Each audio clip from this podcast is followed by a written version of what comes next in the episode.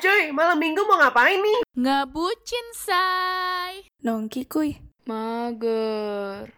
Podcastan aja. Hara, yaudah yuk. Yuk.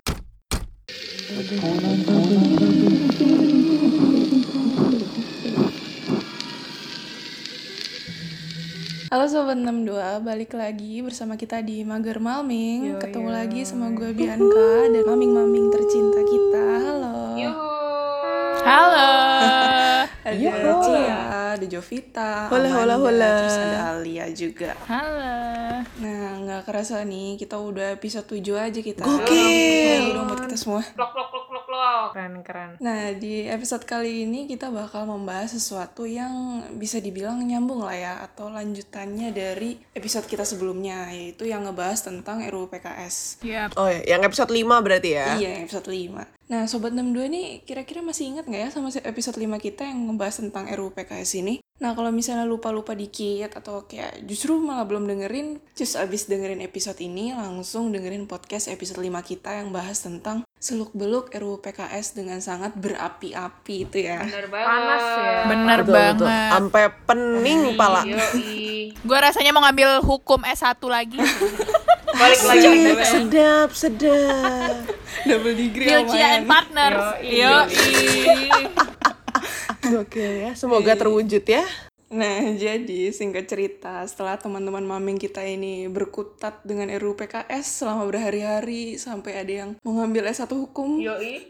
terus ditambah rekaman Sampai ada yang ngeprint loh. berjam-jam. Oh iya, ada yang ngeprint juga. Terus kita ngerasa kayaknya kita perlu deh bikin episode terpisah yang ngebahas tentang catcalling dan teror seksual. Iya, soalnya banyak banget emang. Setuju, setuju. Kalau kita jadiin satu satu episode gitu panjang ya jadinya. Bisa tiga jam. Gak ada yang mau denger nanti.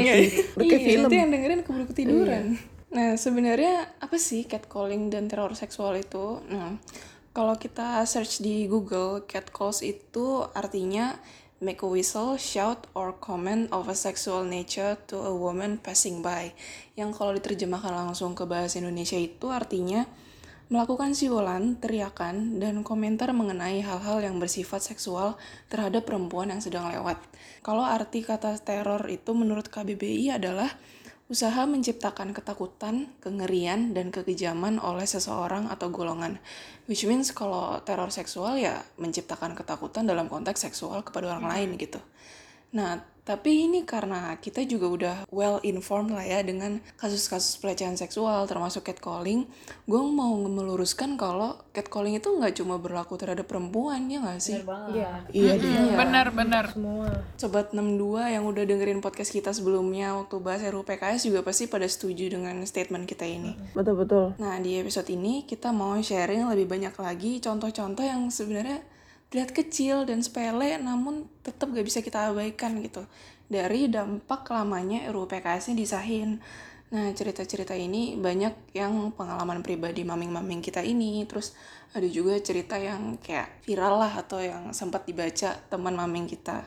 Nah, yang pertama, boleh dong man share apa yang udah kamu baca gitu. Tau gak sih, kemarin tuh aku baru lihat berita kalau ada pelecehan seksual yang viral di medsos. Jadi ada video seorang perempuan dipeluk dari belakang gitu di Padang, Sumatera Barat.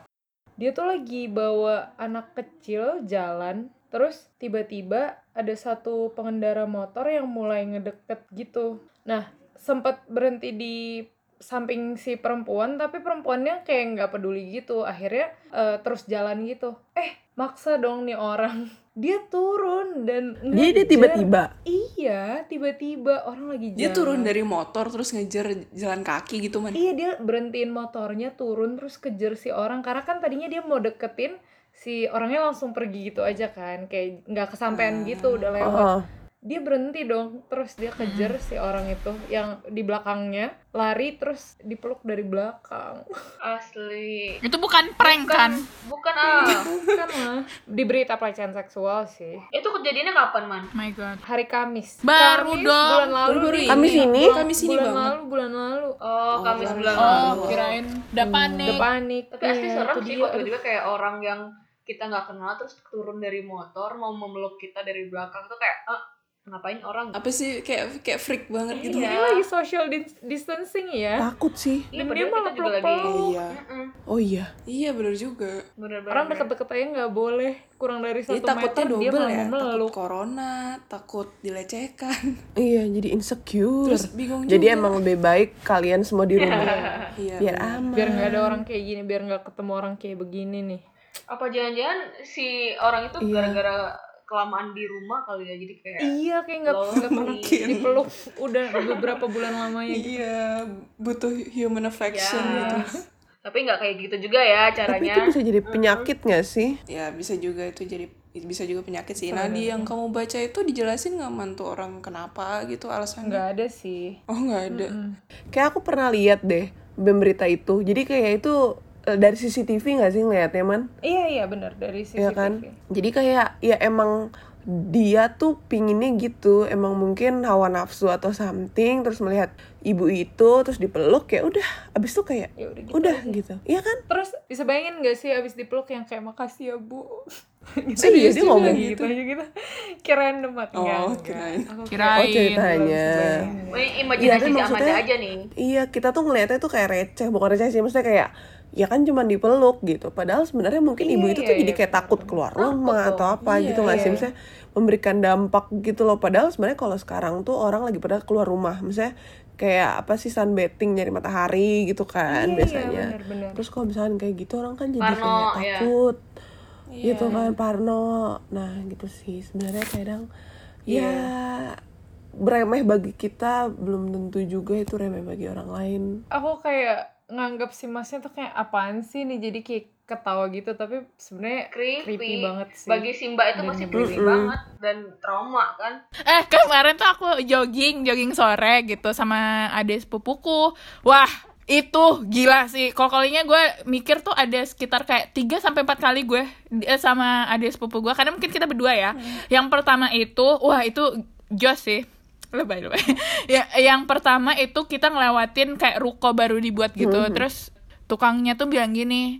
Eh, ayo kita lari aja yuk. eh, yang ini lambat gitu. Gua nggak ngerti maksudnya gimana gitu. Apa emang paham. Iya jadi kayak karena kan kita joggingnya pelan gitu kan Terus kayak ayo yuk lari sore yuk Kata tukangnya ke temannya ya gitu kan Ayo yuk lari sore yang ini eh, lambat soalnya oh gitu kalian lambat gitu Iya Nah terus yang kedua itu di deket bengkel gitu Pas lari gitu Semangat ya dek gitu Mau abang temenin gak gitu Terus kata adik sepupu tuh kayak Tuh kan kak gitu Terus gue gua kan tipikalnya kayak "Eh, sih? Mau marah tapi kayak tenang lari gitu kan Iya, akhirnya ya udah maksudnya kan karena gue jogging kan kayak anjir bodo amat lah gitu. Terus itu yang ke- kedua. Terus yang ketiga itu di pinggir jalan. Terus kayak hihi siapa tuh yang lagi lari sore gitu. Terus gue kayak wah emang daybak sih, daybak. Kayak emang gak ada tempat yang tenang ya kayak gak ada tempat yang tenang Iya, gitu. makanya. Lu harusnya lari di hutan Al. Semuanya. tapi nggak bisa harusnya mereka yang salah bukan lu yang salah Al. harusnya mereka yang berada di hutan lu yang di jalan mereka yang di hutan Al. tapi dari cerita Kelihatan. kelihatan Iya, gak bukan sih kayak dalam perjalanan jogging aja bisa sampai beberapa kali diganggu gitu. Eh, eh, sampai aku aku kan tipikal orangnya pakai headset keras-keras jadi nggak denger apa-apa ya. Jadi kayak nggak denger. Nah adik sepupu tuh aku tuh kayak eh, kak aku mau ikut jogging gitu. Ya udah ayo gitu. Aduh tapi malas banget. Kenapa? Ah pasti nanti pak bakal disuitin dipanggilin gitu gitu jadi gara-gara sebelum sebelum pas experience-nya dia jadi dia males nggak mau jogging sama aku gitu karena takut dipanggil gitu kan di catcalling. Eh, kayak aduh kasihan banget gitu gara-gara pengalaman pas experience-nya jadinya dia trauma. Iya. Kalau gue personally sih kayak either nggak pernah ingat kejadian catcall yang udah dialami atau justru kayak yang sering terjadi sama kita kita tuh kita udah terlalu terbiasa gitu loh saking seringnya di catcall jadi dianggap angin lalu gitu aja. Ya nggak sih? ya setuju. Nah iya kayak yang sih. tadi Cia bilang itu yang gitu kayak saking seringnya jadi kayak jadi, jadi kayak terbiasa gitu loh. Ini miris banget sih karena kayak iya. nggak seharusnya kita tuh ngerasain hal ini sesering itu sampai kita anggap ini tuh hal yang biasa atau nggak mengganggu gitu. Di saat jelas-jelas ini kan mengganggu banget ya. Iya sih. Nah makanya itu sih. Pokoknya intinya sebenarnya kalau misalkan kayak gue lihat-lihat nih kebanyakan orang anggap tuh bercandaan gitu loh. Kalau misalnya kita nyautin nih kayak ya lah serius amat mbak aja gitu. iya bener Kayak Canda apa? Iya. kan bercanda. Iya apa? iya atau gue lihat atau gue liatin maksudnya kayak mbak ke mana gitu terus gue liatin gini terus langsung kayak langsung ngerasa dia pengen ngedefense dirinya gitu ngomong yang kayak ya udah sih mbak biasa aja gitu Iya. Lah. Ya udah sih mas, biasa aja mas. Mulutnya dipakai buat nyanyi aja mas. Iya. Itu kan jadi jadi Emotion. nggak sopan ya kan? iya Iya. Jadi jadi kayak debat kusir nggak sopan dibalas nggak sopan nggak selesai Iya. terus tawuran. Ya Gak jangan dong. capek. jangan ntar kayak Alia. Eh, eh lanjut nih. Eh, gue pernah tuh waktu gue jalan di Kute yang mas-mas itu gitu ya yang mas-mas itu eh, duduk-duduk gitu di pinggir pantai ya, ya kadang ada yang nawarin kan itu oke itu gue masih Ya, masih apa-apa, kan masih kayak, nawarin Hmm, ya kan dia namanya juga jualan. jualan ya itu masih oke tapi di antara ada orang yang shouting jualin nawarin tuh ada juga yang sometimes kayak cie uhti mau ke mana uhti? Gitu terus kayak uhti gitu. Eh badannya oke banget uhti gitu. Gue kayak anjir pelecehan. Ya pakai udah tapi sambil gue lewat gitu. Baju biasa yang yang tau gak sih? Biasanya tuh Jovita tuh yang outer biasa terus pakai celana tidur. baju ala Uhti Terus kayak- Alia lah ya. Yang iya tahu ala uhti Alia Hmm, yang tahu Uhti Alia tahu lah ya style Uhti Alia gimana. yang Iya, gombrong-gombrong iya. gitu lah ya gombrong kok dia kalau pakai baju tuh kayak gombrong-gombrong gitu loh. Aduh, Ah. Cuma kayak di bahasan RUU nggak nggak memandang, Nggak memandang baju kayak pakaian gimana ya orang bener juga. iya Iya iseng-iseng aja ya pakai pakai jilbab ya udah diuhti-uhtiin gitu loh. Yang kayak ya udah komentarnya sama aja. Iya, tapi gue juga Iya, pernah tuh kayak Alia. Tapi nggak di pantainya Gimana, sih. Kalau gue dulu sebel pas gue SMP deh, pokoknya gue pas SMP gue liburan nih bertiga sama temen gue, cewek-cewek semua kan. Terus kita nginep di daerah Legian. Nah, terus kita kayak dari beach walk atau dari pantai gitu kayak itu udah emang udah malam sih kita habis nongkrong di sampingnya beach walk deh kalau nggak salah terus kita mau pulang kan jalan kaki tuh kan deket kan kalau misalkan dari Kuta mau ke Legian nah kita jalan terus jalannya tuh tahu nggak sih jalan yang emang dilewatin motor juga gitu loh? Jadi emang agak rame tapi agak gelap memang jalannya. Cuman sebenarnya nggak gelap banget kan. Terus gue jalan nih sama teman gue. Btw gue pakai eh, temen gue gue sama temen gue tuh pakai dress. Tapi bukan yang mini juga tapi dress gitu. Aja kita cewek masih gitu. Terus normal lah ya gitu. Iya normal, oke. Terus habis itu tiba-tiba ada yang ada yang ada yang ngomong nih suara cowok kan kayak eh, kayak eh cewek mau ke mana neng sini abang temenin. Neng. kayak gitu-gitu terus gue sama temen gue tuh nengok dong. Kayak kita mencari tahu asal suara ini kayak lo pasti refleksnya gitu kan? Pas gue nengok sah kok nggak ada orang? Gelap semua. Lah. terus gue udah gak mikir itu mau catcalling mau apa mau hantu mau kagak makin serem gue lari langsung terus akhirnya berikut berikutnya lari ya. gue udah kayak nggak bukan minta pertolongan bukan apa padahal kayak masih ada orang lewat. Saya bukan orang sih kayak motor atau mobil lewat gue kayak nggak bodoh amat kayak lari lah kita bertiga kan. Untungnya deket sama hotel itu. Terus habis itu ya udah tuh akhirnya besok besoknya bayangin dong lu ke Bali gue tuh kayak pulang ke hotel tuh kayak udah jam 6 gue udah pulang kayak takut gitu loh kayak aduh bukan trauma sih tapi kayak takut. Kayak kepikiran terus gitu? Iya jadi kepikiran. Terus temen gue Kita lagi beli di eh, Family Mart Beli roti kan Beli roti Terus pas keluar Kayak di depannya itu Kayak ada tempat sewa-sewa motor gitu kan Terus kayak ada bapak-bapak ngumpul Mas-mas gitu Terus kayak Dek mau ngapain sama abang aja ya gue bla bla Terus roti temen gue sampai jatuh Saking dia shocknya Dia, dia Oh lagi God. makan terus kayak Keinget yang "Dong." kemarin ya. jatuh iya sumpah kayak terus gue kayak gue jadi ketawa dong maksudnya kok temen gue sesok itu saya kalau gue Karena dia keinget yang kemarin, bayangin Iya, iya, mungkin, ada iya orangnya, kan. Sekarang ngalamin yang sama lagi. iya Padahal mungkin mungkin ada or- ada orangnya. dari Iya, mungkin ada orangnya. nongkrong itu. Cuma gelap kali nah waktu iya itu. kan jadi kan gitu. kita mm, ngiranya udah mungkin yang orang yang naik lain-lain motor kali. nih gak tahu tapi lokasinya Iya, beda nih bisa di lokasinya beda lewat. ceritanya Oh, terus habis itu kayak akhirnya temen gue tuh setiap jalan dia akhirnya selalu di tengah takut gitu loh Ampun biar gak keganggu. Iya. sedih banget temen gue Kasian banget. iya walaupun Tapi kadang itu jatuhnya trauma gak sih? iya maksudnya trauma bukan trauma jadi iya kayak parno lah Parno. gitu Iya, Parno, Parno. Iya. Iya, parno parno. untungnya gue kayak ya udah ah bodo amat gitu tapi sebenarnya menurut gue itu yang paling parah sih karena kita menganggap kayak ah ya udahlah itu normal gitu loh padahal sebenarnya harusnya nggak boleh kayak gitu dan itu bukan normal Iya. Orang tuh udah nganggap itu biasa banget ya. iya Padahal itu mengganggu Budaya banget. catcall itu nggak cuma sama manusia, itu buktinya ada yang dari hantu juga. Tapi kita nggak tahu, kita belum Siapa bisa tuh? buktikan kalau itu Iya, hantu. tapi kita nggak tahu ya. Siapa Iya. itu hantu? dan btw kalau misalkan kayaknya pas episode 5 itu kayak Bianca pernah ngomong deh kalau apa lokasi yang eh, sering terjadinya entah pelecehan seksual atau Catcall. iya itu ada di transportasi umum juga gak sih bi? Hmm, benar-benar benar. Iya kan? Nah gue mau cerita nih kalau Iya, temen gue kalau misalkan dia mau kerja di Jakarta kan naik busway ya kan? Itu dia selalu kayak masa zaman zaman sebelum covid ya kayak kalau misalkan dia pakai busway itu dia kayak pakai baju gombrong gitu loh karena nggak berani. Padahal sebenarnya kan nggak ngaruh di pakaian ya. Cuman karena daripada disalahin orang kalau cerita jadi akhirnya dia pakai baju gombrong gitu maksudnya ya karena dia takut karena kadang orang kan refleks kayak lu pakai baju minim kali kayak gitu loh Iya. Seksi Orang kali lu, gitu. blaming ya. Karena lebih gampang untuk victim blaming tuh. Iya itu, padahal kan harusnya nggak gitu ya, jadi kayak Iya, sedih banget. gitu. Eh, eh ini gue tiba-tiba gue baru inget nih, gue punya cerita. Ini gue sendiri yang ngalamin. Jadi dulu kan gue kuliah di Bali, kayak ya Eh, kayak sama semua dong. gue tahu sih. Iya kita sama, eh gue lupa kayak semua di Bali. Sama ya? Iya. Kayak gue tahu deh. Ya ampun. Jadi kayak pokoknya kayak teman-teman gue tau lah kayak gue tuh suka balik gitu loh ke Jakarta. Nah abis itu eh, biasanya jadi kayak gue udah biasa gitu lah maksudnya kayak traveling sendiri kayak paling pakai cabin jadi yang emang kayak ya udah gitu kan. Jadi jadi gue kayak santai aja gitu ya kan. Satu kali gue naik airlines yang oke lah gitu. Terus habis itu gue selalu minta di kursi paling deket jendela. Nah habis itu kan seatnya tiga kan. Terus habis itu pas pas mau take off kan kayak gue liat sebelah gue nih oh kosong. Senang lah aku kan. Kayak gue bisa angkat kaki mungkin bisa taruh koper nggak deh. Kayak gue seneng aja gitu kayak lowong ya kan. Terus habis itu pas gue nengok eh tiba-tiba ada kayak komplotan eh misalnya segengan orang asing gitu. Nah dia itu dua di samping gue. Eh, terus ada di depan gue sama belakang gue jadi pokoknya depan belakang gue tuh ada ada segengnya mereka lah gitu. Jadi ngebayangin kan kayak Iya, samping iya, iya. persis gue ada depan gue ada belakang gue ada. ya. Nah terus gue lupa kenapa gue nggak pindah. Mungkin karena dia orang asing. Jadi gue kayak bingung gitu loh. Tapi bisa sih gue kayak "Uh, excuse me I want to move gitu bisa aja kan. Cuman kayak gue udah mager itu tuh udah mau take off gitu loh.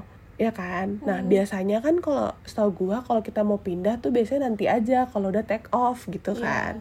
Nah jadi gue kayak "Ya udahlah gue biasa aja. Terus habis itu gue kebiasaan kan eh, nempel molor ya kan. Jadi gue nggak curiga sama si gengan ini gitu loh tapi gue nggak nyaman nggak nyaman karena sebelah gue ini mohon maaf dia kayak dia ngambil ini loh apa sih namanya dudukan tangan Iya, gitu iya, loh. tahu, nggak sih? Tapi emang sih ya- yang dua yang samping kanan kiri itu emang punya sih eh, penumpang tengah. Cuman tuh kayak nggak makan tempat banget gitu loh sedangkan dia cowok gue cewek. Kan gue nggak nyaman kan? Kecuali kamu yang aku cari ya gitu kan nggak apa-apa. Ini bukan gitu kan? Nggak deh nggak deh nggak bercanda ya nggak habis itu pokoknya kayak gue nggak nyaman. Jadi ya gue nemplok dong. Gue nemplok ke si eh, sebelah jendela. gue habis itu karena gue mudah molor jadi kayak sebelum take off gue udah molor nih. Tidur terus habis itu kepala gue tuh kayak pegel gitu. Akhirnya gue nyender di kursi gitu. Tapi gue nggak kenain. Gue tuh jedai gitu loh. Jadi gue nggak bisa nempel kan. Udah tapi gue gini nih. Terus gue tuh kayak tidur. Gue tuh kayak entah kenapa gue tuh nggak nyenyak. Bukan kayak gue masih sadar. Tiba-tiba gue ngerasa ada tangan di sebelah gue jadi gini gitu loh kayak ngerangkul gitu. Jadi kayak gue refleks. Jadi gini ya gue nggak tahu entah Tuhan yang menyelamatkanku. Kayak gue tiba-tiba kayak ada something wrong gitu loh. Gue harus melek pas gue melek tangan dia tuh di sini jadi pas gue melek gini gue nengok kanan ada tangan di kanan padahal dia di kiri gue kanan gue tuh udah jendela Waduh. ya gue nengok dong langsung dong terus dia kayak Ya dia pura-pura ngeliat tau gak yang kayak "Huh, Oh, kayaknya ya. Ini kayak di scene-scene Korea gitu. Yang mau nyampingin kepala kau ke pundak dia.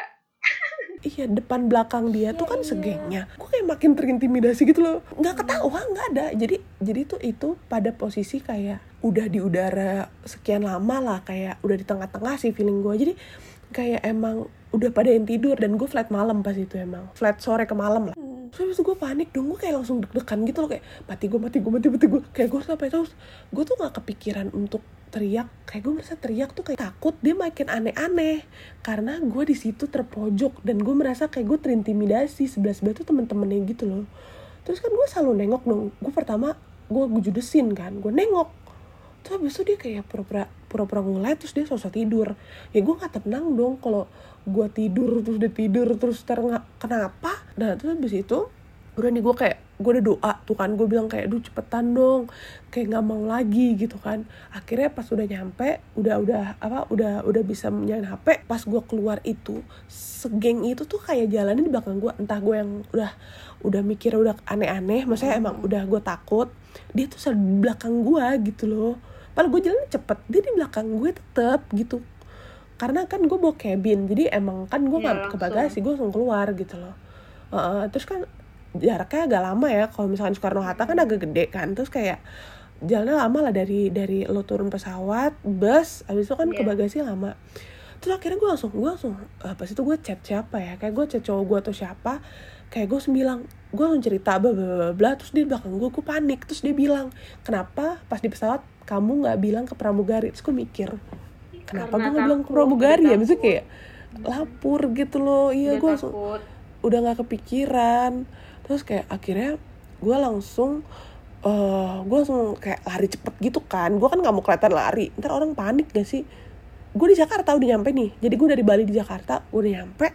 Terus habis itu lari gue bisa lari gue langsung nyari. Kayak pas itu gue dijemput bokap gue tuh siapa gue langsung gandeng bokap gue tapi pas gue nengok dia udah nggak ada sih. Cuman kayak gue misalnya gue langsung kayak hmm gue malaki nih gitu.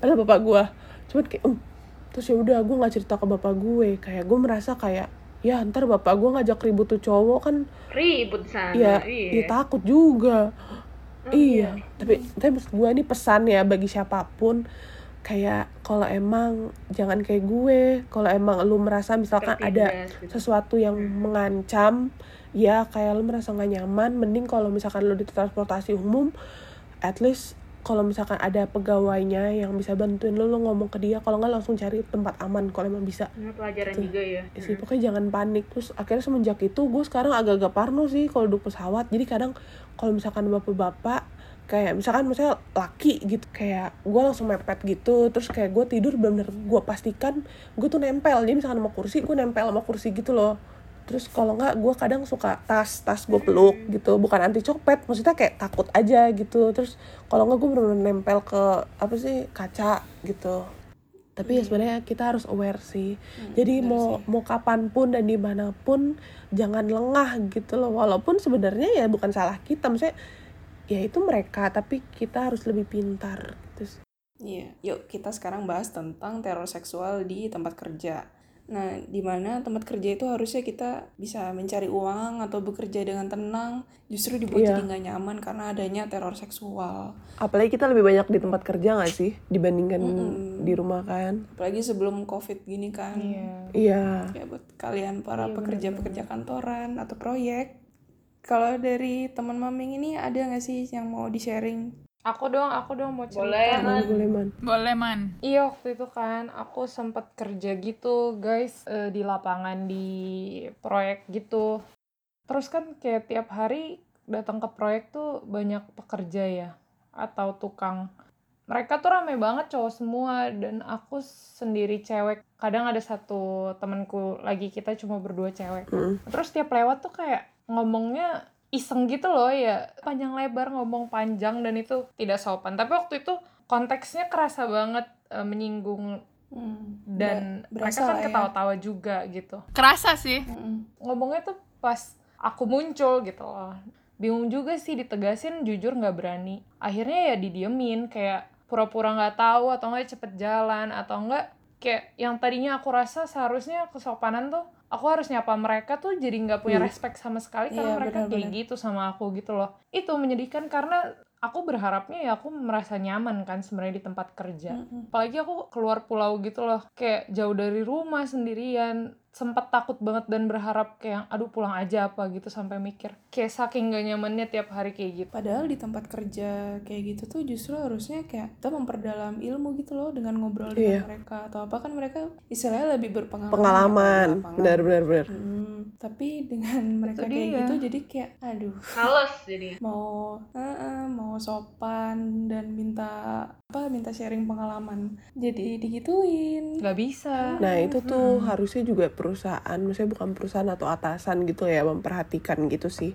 Entah bikin punishment, maksudnya bikin aturan atau bikin apa yang emang ya lu kerja profesional aja gitu loh. Mm-mm. Iya maksudnya profesional ya dalam hal ini juga kayak ya lu ngomong ya seadanya kalau emang salah ya salah bener ya bener nggak usah mengarah ke topik yang lain. Kalau emang di luar konteks kerja ya nggak usah gitu. Eh, setuju banget kan seharusnya gitu tapi emang dari awal aku datang ke sana tuh atasanku udah bilang nanti kalau misalnya di tengah aku kerja para pekerja ngomongnya agak kasar ya maklumin aja Iya, ya gitu. seharusnya nggak gitu dong, Pak. kalau misalkan kasar kalau kasar menurutku mungkin bisa kita kasih tahu pelan-pelan. Entah kasar tuh misalnya kata-kata kasar seperti apa sih kayak anjay ngedeng iya Kayak- anjing Eh, misalnya. Babi gitu. ya kayak bodoh gitu. Iya. Kalau itu menurut gue tuh kayak oh itu kita kasih tahu aja gitu kan. Tapi kalau yang udah ke arah pelecehan atau yang seksual menurut gue buk- nggak bisa dimaklumin. Udah nggak bisa coy. Itu emang harus udah ada ganjarannya udah ada hukumannya gitu loh. Tapi kalian setuju nggak sih kita harus berani untuk bilang dan ngelawan gitu? Seharusnya tegas? tapi kayaknya kalau aku di posisimu juga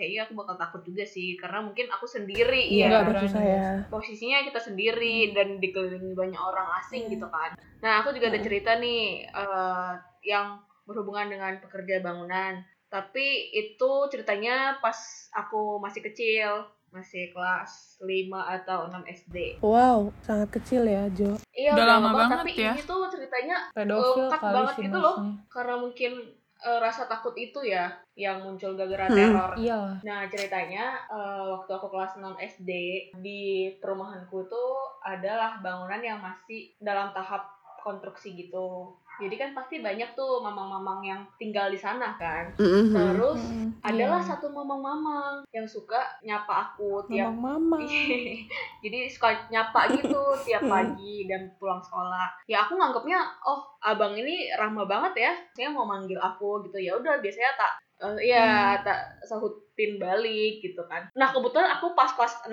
SD aku udah punya handphone ya buat SMS gitu kan. Sampai suatu hari aku pulang sekolah itu ada SMS masuk dari nomor tidak dikenal. Jadi eh, aku lupa SMS pertamanya apa ya.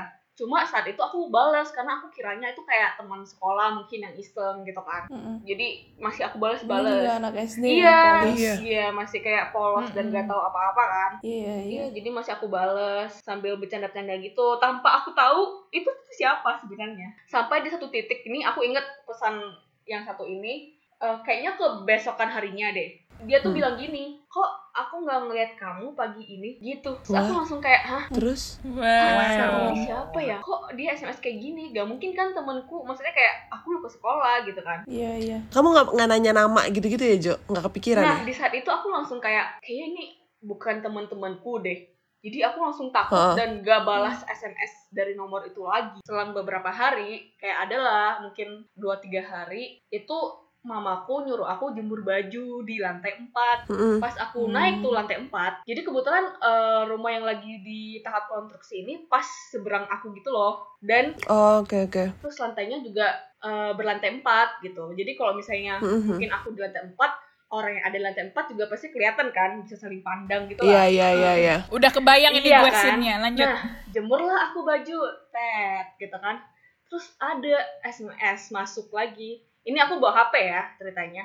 Terus aku pas Aha. lihat yaudahlah aku baca SMS ya tahu nggak isinya? Apa? Ini Ya, serem bisa. banget. Aku ada di aku depanmu. lagi liatin kamu. Kamu kok mukanya cemberut gitu? Waduh. Ih, serem asli banget. aku langsung kayak hah ini apa anda nih orang? Gitu kan. Aku langsung kayak auto Terus? lihat ke depan gitu.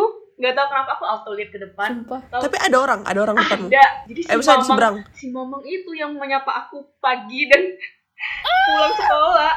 Sambil oh my god. Jadi si mamang itu ngeliatin aku sambil kayak nyengir nyengir gitu. Serem asli. Mamangnya dapat Mamangnya nomor tuh dari dapat mana, Jo? dapat nomor ceritanya jadi temen si mamang ini pacaran sama kakak pembantuku di rumah Iya jauh banget gitu loh Jo relasinya. jadi mungkin kakak Jo kalau kamu udah kuliah nomornya. ditaksir mamang, oke. iya kayak pedofil kan jatuhnya asli Iya pedofil Asli emang. Iya maksudnya orang kalau iseng nggak gitu-gitu amat ah jauh bener relasinya. Nggak nggak nggak ini nggak iseng deh kayaknya. Maksudnya emang niat gitu gak sih? Paling iya emang niat. Mbak mbak minta dong saya suka sama itu. tapi nggak tahu kenapa kira kakakku ini kok Mamangnya ngasih ngambil dari gitu. tukang pulsa. Kan banyak si Jovita ini kan. Iya maksudnya siapa tahu pacaran gitu kan loh. sama temennya Mamang. ya itu jadi selama proses rumah itu masih berjalan ya si abang itu masih nyariin aku tapi ya aku sambil ketakutan sambil membayangin hal-hal buruk bakal terjadi ke aku aku kayak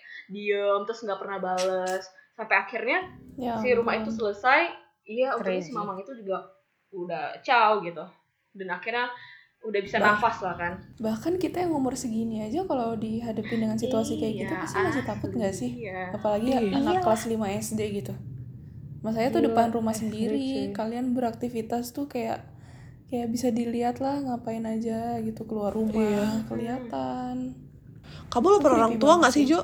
enggak aku nggak tahu kenapa ya saat itu aku nggak ngelapor nggak jadi nggak ada ngomong ke orang tua juga gitu. Karena udah takut ya. mungkin jadi kayak aku ngebayangin aja kayak hal-hal yang buruk bakal terjadi sama aku tuh apa aja sambil kayak ngebayangin si muka mamang itu Oh iya sih mungkin juga bingung kali ya harus apa. Maksudnya udah takut, udah panik, Iya. terus kayak mikir ya udahlah diem aja Iya, gitu. iya.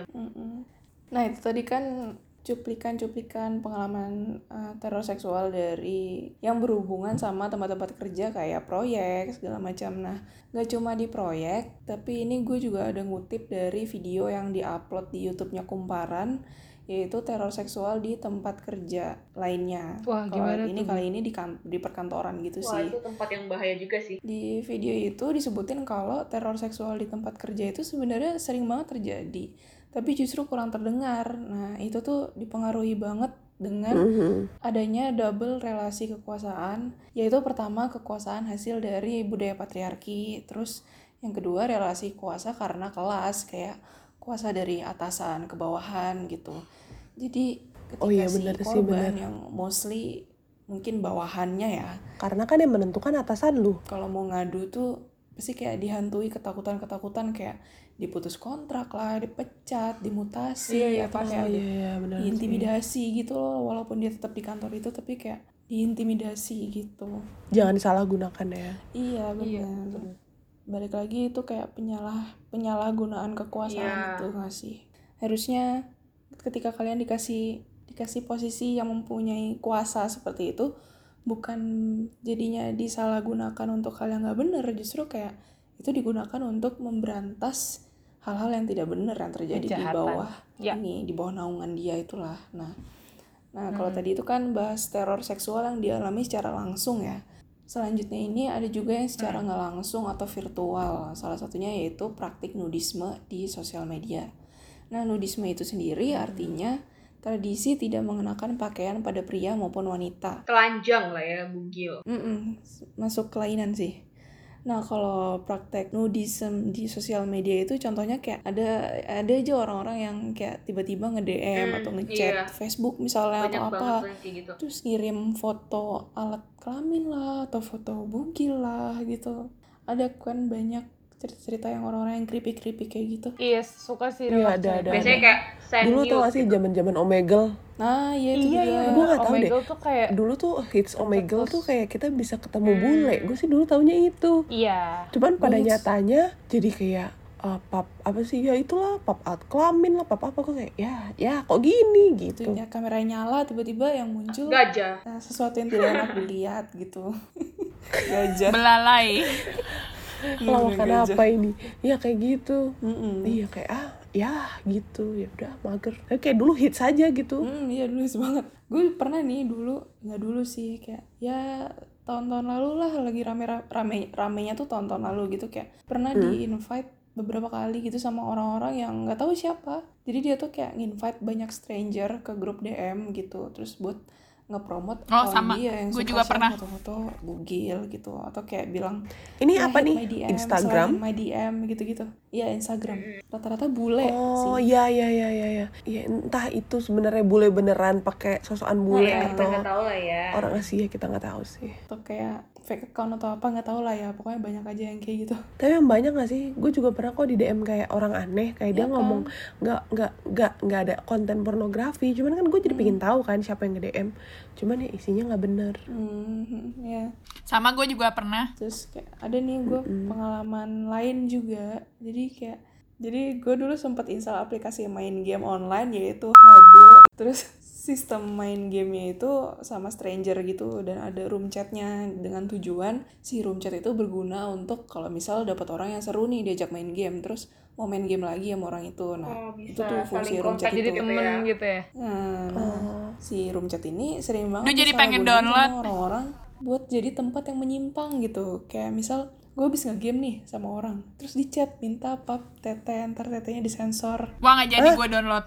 Terus kayak kalau nggak dibaca-baca tuh kayak diteror terus-terusan gitu. Ya kalau kali dua kali kan gampang lah ya kalau chat tinggal dicuekin. Tapi kalau berkali-kali dan banyak orang kan males juga nggak Jadi sih sama delete gamenya gak sih? Iya bener. Akhirnya gue beneran. Padahal terus suka. Gue uninstall game Nah terus, nah terus bicara catcall udah, teror seksual udah, sampai kayak pengalaman pelecehan di pesawat juga udah. Nah tadi kan udah dibahas sedikit juga sama Cia kayak apa sih yang harus kita lakuin buat mencegah terjadi hal-hal kayak gitu ya Ci? Iya. mhm. Nah, kalau selain itu ada nggak sih kira-kira dari kalian kayak gimana sih cara untuk menghindari atau mengatasi terjadinya catcall atau teror seksual di kehidupan sehari-hari kita? Selain yang tadi udah dibilang Cia itu untuk kayak di tempat transportasi umum atau pesawat. belum tahu gitu. nih perlu masukan Iya, jadi kalau tadi itu kan kayak ide dari saya pengalaman pribadi. Terus kayak gue pernah lagi nge-scroll di Instagram, tiba-tiba gue lihat nih. Jadi gue lupa, aduh gue lupa banget ya namanya siapa dan dia di mana. Ya, pokoknya itu dari video TikTok gitu sih dimasukin Instagram. Eh, dia, dia kayak cerita. Jadi dia itu mahasiswa ya kan. Nah dia itu emang lagi pulang malam karena ada aktivitas ngedance kalau nggak salah ngedance. Terus dia akhirnya pulang malam. Nah dia tuh jalan kaki lah dari tempat kampusnya ini ke tempat tinggalnya dia. Terus habis itu dia itu pakai baju hitam sama celana hitam. Nah pas dia lagi jalan gitu nih lagi jalan terus ada mas-mas gitu catcalling dia lah. Kayak "Eh, neng eh, kok malam-malam sendirian? Kayak gitulah. Nah kalau gue di posisi dia ya tadi gue cerita ya kalau gue di posisi dia gue akan lari. Kayak Mm-mm, takut gitu. Tapi ini gue berbagi trik yang bisa kita contoh dari uh, wanita ini. Terima kasih. Aduh gue lupa banget namanya dia. Kayak dia memberikan tips and trick. Dia ngomong gini jadi pas itu kalian tahu apa yang dia lakukan? Jadi dia langsung menatap tajam arah suara itu si masnya itu. Dia langsung natap tajam. Habis itu dia ngomong masnya bisa lihat saya. Gila horor banget Oh my god. Seakan-akan si mbaknya itu habis itu tak kasat mata Iya, seakan-akan mbaknya itu melayang tak kasat Iya. mata. Dia langsung gak ketawa, dia benar-benar bisa stay Wah, fokus ke tajem. Gila. Applause. Itu actingnya deserve Oscar sih. Iya, terus habis itu akhirnya masnya pelan-pelan mundur, mundur, mundur, pergi. Dan mbaknya juga kayak udah lihat masnya udah pergi, kayak dia langsung lari gitu. Maksudnya kayak langsung ya udah pulang. Beda Pasti anak sebenarnya si mbaknya udah ketakutan juga Biar kelihatan biar kelihatan hilang. Iya, tapi maksud, sih? Iya tapi tadi kan kalau kita kan daripada kita ngajak ribut, ya udah. bisa lihat saya gitu Masih, oh my god. Serem banget sih itu. Kayak idenya dapet aja gitu. keren banget Iya, sih, dapat aja spontan nih idenya gitu ya. Keren Iya. banget sih itu. terima kasih mbak ya, Iya, Mbak. Tips and triknya. Iya, jadi Semoga kayak bisa dicoba. Iya, lo menganggap itu lucu. Hah, makan nih lucu gitu kayak. Iya gak sih? Kayak, Iya. makan nih lucu. Kabur dah lu.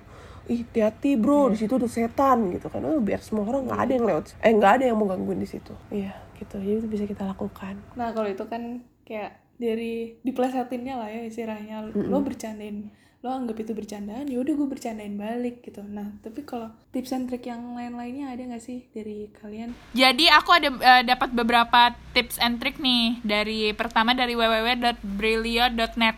Oh, yang pertama ada Sebaiknya ajak temanmu kalau takut berpergian sendiri. Terus yang kedua, cari rute lain jika ada segerombolan cowok-cowok yang menurut kamu itu mengganggu. Ini ini gue praktekin pas lari eh pas jogging kemarin. Terus selain itu kamu bisa menyibukkan diri dengan pura-pura angkat telepon agar tidak terjadi hal-hal yang tidak diinginkan.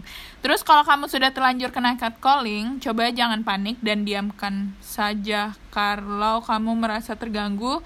Buat raut wajahmu seperti orang judes dan tatap matanya seperti menantang. Kalau juga kamu udah kena catcalling terus tubuh kamu disentuh, jangan diam aja, langsung beranikan diri untuk lawan dengan cara pukul orang atau teriak. Ini makanya kayak basic bela diri Penting untuk self defense tuh perlu lah ya dipelajari. Iya kayak abis ini gue belajar apa ya Karate. Iya kayak kita harus belajar deh Muay Thai Karate Apalagi untuk orang-orang yang sering kayak jalan di luar sendirian gitu apa malam-malam. Para Terus sih, dancer-dancer kayak yang latihan malam. tentang ya paling nggak untuk Iya. meng- melindungi diri sendiri lah gitu. Iya anti copet Terus bisa juga kayak kalian bawa alat-alat yang bisa dijadiin weapon gitu loh untuk Apa sih, kejadian- semprotan Iya, gitu, merica? kayak misalnya semprotan merica. eh, semprotan merica. Iya itu juga boleh tuh. Terus kayak apa sih kalau pisau lipat kan terlalu Jangan. bahaya juga Jangan ya. ntar bisa ngebunuh Kayak- saya Iya. Saya kalau pisau lipat bisa kalau salah pak bisa bayain kita sendiri gitu maksudnya. Saya lagi rogoh-rogoh tas terus kegores. Iya bener Terus kayak atau ya kayak tadi Ale bilang ya teriak, lari langsung teriak kayak well lo ngapain gitu nah Mm-mm. itu sih yang terakhir kayak harus selalu waspada gitu jangan yang kayak lengah atau bengong gitu. Jadi kayak Iya benar-benar setuju. know your surrounding gitu. Kayak di sekitar kalian ada siapa? Ada Nah ya itu tuh. ada Itu yang banget sih. atau apa gitu. Jangan yang ya boleh sih misal kalau udah di catcall atau apa pura-pura main HP tapi tetap itu sebatas pura-pura aja. Jangan sampai kalian terlalu lengah ntar justru malah kena yang lain-lain. Apa dicopet apa apa gitu. Iya bener Harus fokus juga sih Jangan panik Mm-mm. Eh, aku ada tambahan lagi nih cerita. Apa tuh Jo? Jadi gimana gimana Jo ini aku waktu SD juga nih. Kayak sekitaran kelas. Ya ampun Jo Jo Iya, masih SD Jo Sedih banget berat banget ya iya. hidup SD-mu Jo Udah ngalamin kayak gitu. Jadi ini aku kayaknya kelas 5 SD. 5 atau 6 SD deh lupa juga. Nah ini aku mau ke les dan baru nyampe ceritanya. Si lokasi lesnya ini kayak di gang sempit gitu loh. Jadi Oke eh, rumahnya dempet-dempetan gitu. Nah pas aku mau masuk les, aku ngelirik tuh ke sebelah kiri ada kayak orang gila gitu lagi duduk, Hmm. tapi tanpa busana. Nah Mm-mm. karena aku liatin Oke. dia, gak tau kenapa si orang itu juga ngeliatin aku. Jadi kayak kita tatap-tatapan gitu. Terus si orang, sumpah. orang gilanya tuh kayak manggil pakai tangannya kayak sini, sini, sini gitu. Kayak nyuruh aku sana. Terus Terus kamu gak ke sana kan Jo enggak, tapi aku juga nggak masuk. Jadi kayak cuma berdiri Shock ya Iya, berdiri, kaget, ngeliatin si orang gila itu. Terus karena aku diam gitu, eh dianya berdiri, terus kayak sambil ngeliatin alat kelaminnya. Iya. Oh my god. wow Iya mungkin karena emang udah gangguan Iya. mental kali ya Jo Iya Jadi sih. kayak udah gak bisa pikir jernih lagi Tapi Tapi sebagai anak kecil aku shock sih. Iya, takut. Kayak kebayang-bayang. ini selain karena dia orang gila tapi ada, ada juga kan namanya penyimpangan Iya, iya, seksual ada, ada. yang kayak gini Apa tuh Ada. namanya? memperlihatkan alat kelamin itu, itu namanya eksibisionisme jadi kayak dia ada kepuasan seksual tersendiri gitu kalau lihat orang kaget atau takut gitu kalau dia Ngeliatin. lagi ngeliatin alat Oh, kelaminnya gitu? atau dia telanjang atau gimana iya kayak gitu Oh jadi mungkin ini double ya selain dia gila selain dia selain dia gila dia ada eksibisionisme juga gitu Oh, Oke oke oke Gue juga pernah. SD juga Al. Enggak, ini ini terjadi tuh kayaknya semester 3 atau 4 gitu deh. Itu aku sama teman-temanku. Waktu itu aku ingat banget sama Dame sama Tias bertiga lagi nungguin temen gitu di depan Alfamart. Terus kita duduk gitu di bangku, ada bangku. Pas tuh kita bertiga kan. Sambil gue tuh makan ciki apalagi makan es krim gitu kan. Nah, gue kan ngeliat ke kiri gitu kan. Nah, gue Dame di tengah, Tias di sebelah kiri, paling kiri. Gua ngadep, kan gue paling kanan, gua ngadep sebelah kiri gitu kan, biar ada pada depan. Abis itu, gua ngeliat mukanya Tias. Tias tuh sampai ya, sampai gitu sampai cengok gitu kan, Eh, kayak ngeliat setan gitu. Terus gue kayak, kenapa Yas? Enggak ah, enggak, enggak, enggak. Dia kayak abis ngeliat gini sih kayak enggak, enggak, enggak, kena, enggak, enggak kenapa-napa kok. Sambil nutupin mu- muka dia yang sebelah kanan gitu. Gue kayak, kenapa sih gitu. Terus gue ikutan lihat kan sebelah kanan. Apa sih nih gitu. Gue nggak ngeliat tuh ya yang gue liat tuh gue lihat ada motor parkir gitu kan di depan gang. Tapi ya yang gue fokusin itu ke motor apa motor jalan gitu kan. Apa sih yang dia lihat apa gitu. Mana tahu setan itu al motor apa warna apa gitu. Iya gitu kan. Terus pas gue liat lagi bapak-bapak lagi di atas motor sambil tangannya tuh gerak apa iya sambil tangannya tuh gerak. Terus gue kayak gue ngeliat kan arah tangannya dia ngeliat ngasih lihat itunya woi. Terus kayak damai yang paling terakhir itu. Pada ngeliatin apa sih? Pada ngeliatin apa sih? Gue gue pas ngeliatin itu kayak shit, shit gitu kan kayak oh my god oh my god oh my god. Gue juga ikutan nutup kan kayak udah ngeliat setan juga gue yang kayak ah, gitu oh my god. Baru sekali itu gue ngeliat yang asli. Gue Terus akhirnya lu pergi nggak, Al? gue ngeliat yang asli. Enggak di bangku itu kan. Akhirnya si Dame yang kayak apa sih pada ngeliat apa? Gitu pada nunjuk gitu Hih. terus terus abis itu kayak eh, karena mungkin Tahu. dia tahu kita bertiga sudah melihat dan heboh gitu akhirnya dia tutup lagi terus dia kayak "Nyeh." Jadi sebenarnya dia nggak dia nggak mau ke swalayan itu. Dia emang dia cuma mau pamer enggak iya dia mau Gila. kasih lihat kayak hello belalainya itu bersandar di atas sadel yang kayak set gitu. Tapi hanya tapi dia ngeliatin di- kalian nggak? Maksudnya saat itu dia ngeliatin kalian nggak? Atau kayak ya udah sebenarnya dia nggak notice awalnya cuman karena heboh jadi dia kayak ngeliatin tahu. gak sih? Dia dia biasanya cara ngeliatin. ngeliatin ngeliatin. Ngeliatin. bapak-bapak kayaknya umur 45 Terus kalian nggak langsung pergi? kita pura-pura nothing happen gitu yang kayak anjir. Itu kayak cuma nutupin aja yang kayak iu iu iu iu gitu. Cuma gitu dong iu iu iu tapi itu serem banget sumpah. Terus bapaknya tuh yang kayak mukanya gue lupa ya muk raut wajahnya tuh antara kayak serius atau dia senyum. Kayak Datar gitu. kayak muka biasa gitu loh yang kayak mencoba Creepy untuk tenang. sih, Pak. iya. Eh kayak gituan bukannya iya gue semua kayak ini kelainan. Feeling gue dia kelainan deh. Feeling gue Iya, rasanya emang. Hmm yang gitu-gitu emang rata-rata pasti kelainan sih. Heeh. yang tadi gue bilang Iya. itu si eksibisionisme itu. Nah, itu hasrat atau gimana ya ah, iya dia kayak ada hasrat seksual sendiri gitu kalau setelah dia menunjukkan apa yang ingin dia tunjukkan itu. Terus korbannya tuh kayak takut gitu loh kaget gitu. Kayak oh my god kan pasti takut dong Menemukan Kayak, kepuasan orang dari itu ya. tiba-tiba ditunjukin gitu itu nah kepuasannya itu dari itu gitu.